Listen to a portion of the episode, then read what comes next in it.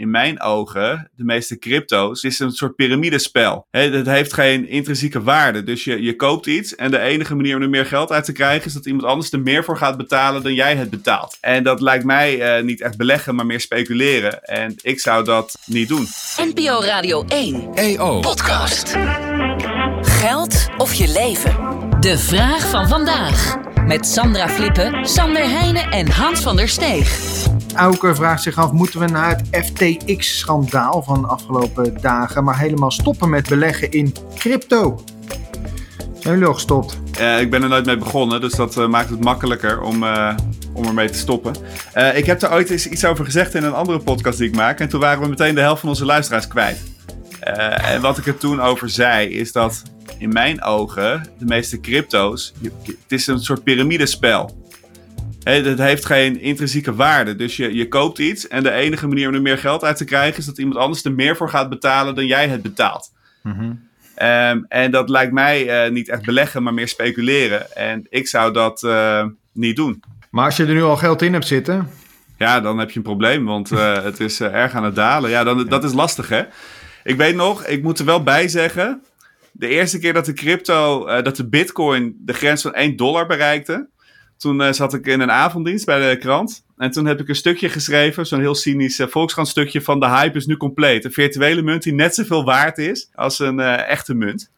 en achteraf had ik toen natuurlijk voor 1000 euro aan, aan bitcoin moeten kopen. Dus het kan zijn dat ik het verkeerd zie. Alleen, ja, ik zie gewoon, ik zie daadwerkelijk niet de intrinsieke waarde van, van een cryptomunt. Misschien dat Sandra hem ziet. Nou, ik, ik was het altijd heel erg met je eens en ik ben het nog steeds grotendeels. Ik denk waar ik mezelf vooral uh, zorgen over maak is de, de enorme volatiliteit uh, die uh, met crypto gepaard gaat. Um, dat is met crypto's nog een tandje harder. Ik denk eigenlijk dat voor Nederlanders geldt dat wij sparen al enorm veel via ons pensioen. En, en dat pensioengeld dat wordt enorm goed en gespreid belegd. Eh, ik denk alleen wel dat even terug naar crypto, dat um, uh, het fenomeen is aan het verbreden. Dus het was uh, een beetje, zeg maar, het was eerst een investering of eigenlijk een, spe een speculatie voor, voor ja, soms ook een wat duistere activiteiten, zullen we zeggen. Dat is het, het is nu gewoon best wel heel breed.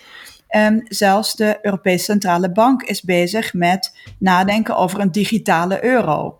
Maar hebben jullie het idee dat die, uh, dat die digitale euro dat dat een, soort, dat een soort reactie is op crypto? De belofte van crypto was heel erg, het is decentraal en de overheden kunnen zich er niet mee bemoeien.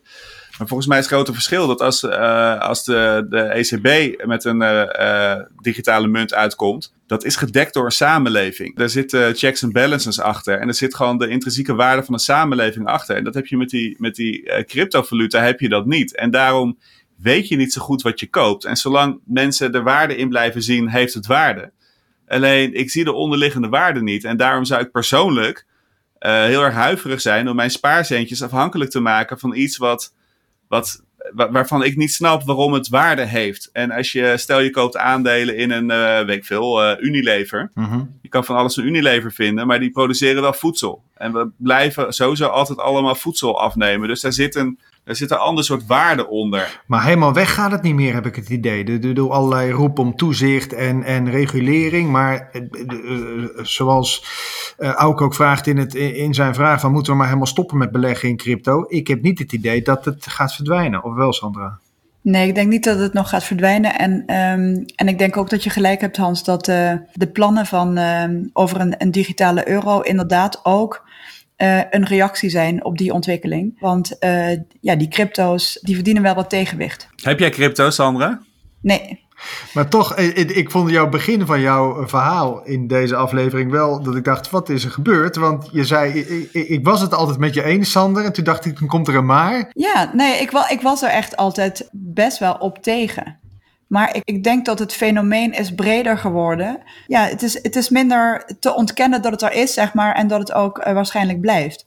En ik vind ook dat met de, het, het, besluit van de ECB om zich ook warm te gaan draaien voor een, uh, ja, een, een, een stabielere versie zeg maar, van, een, van, een, uh, van een cryptomunt eigenlijk.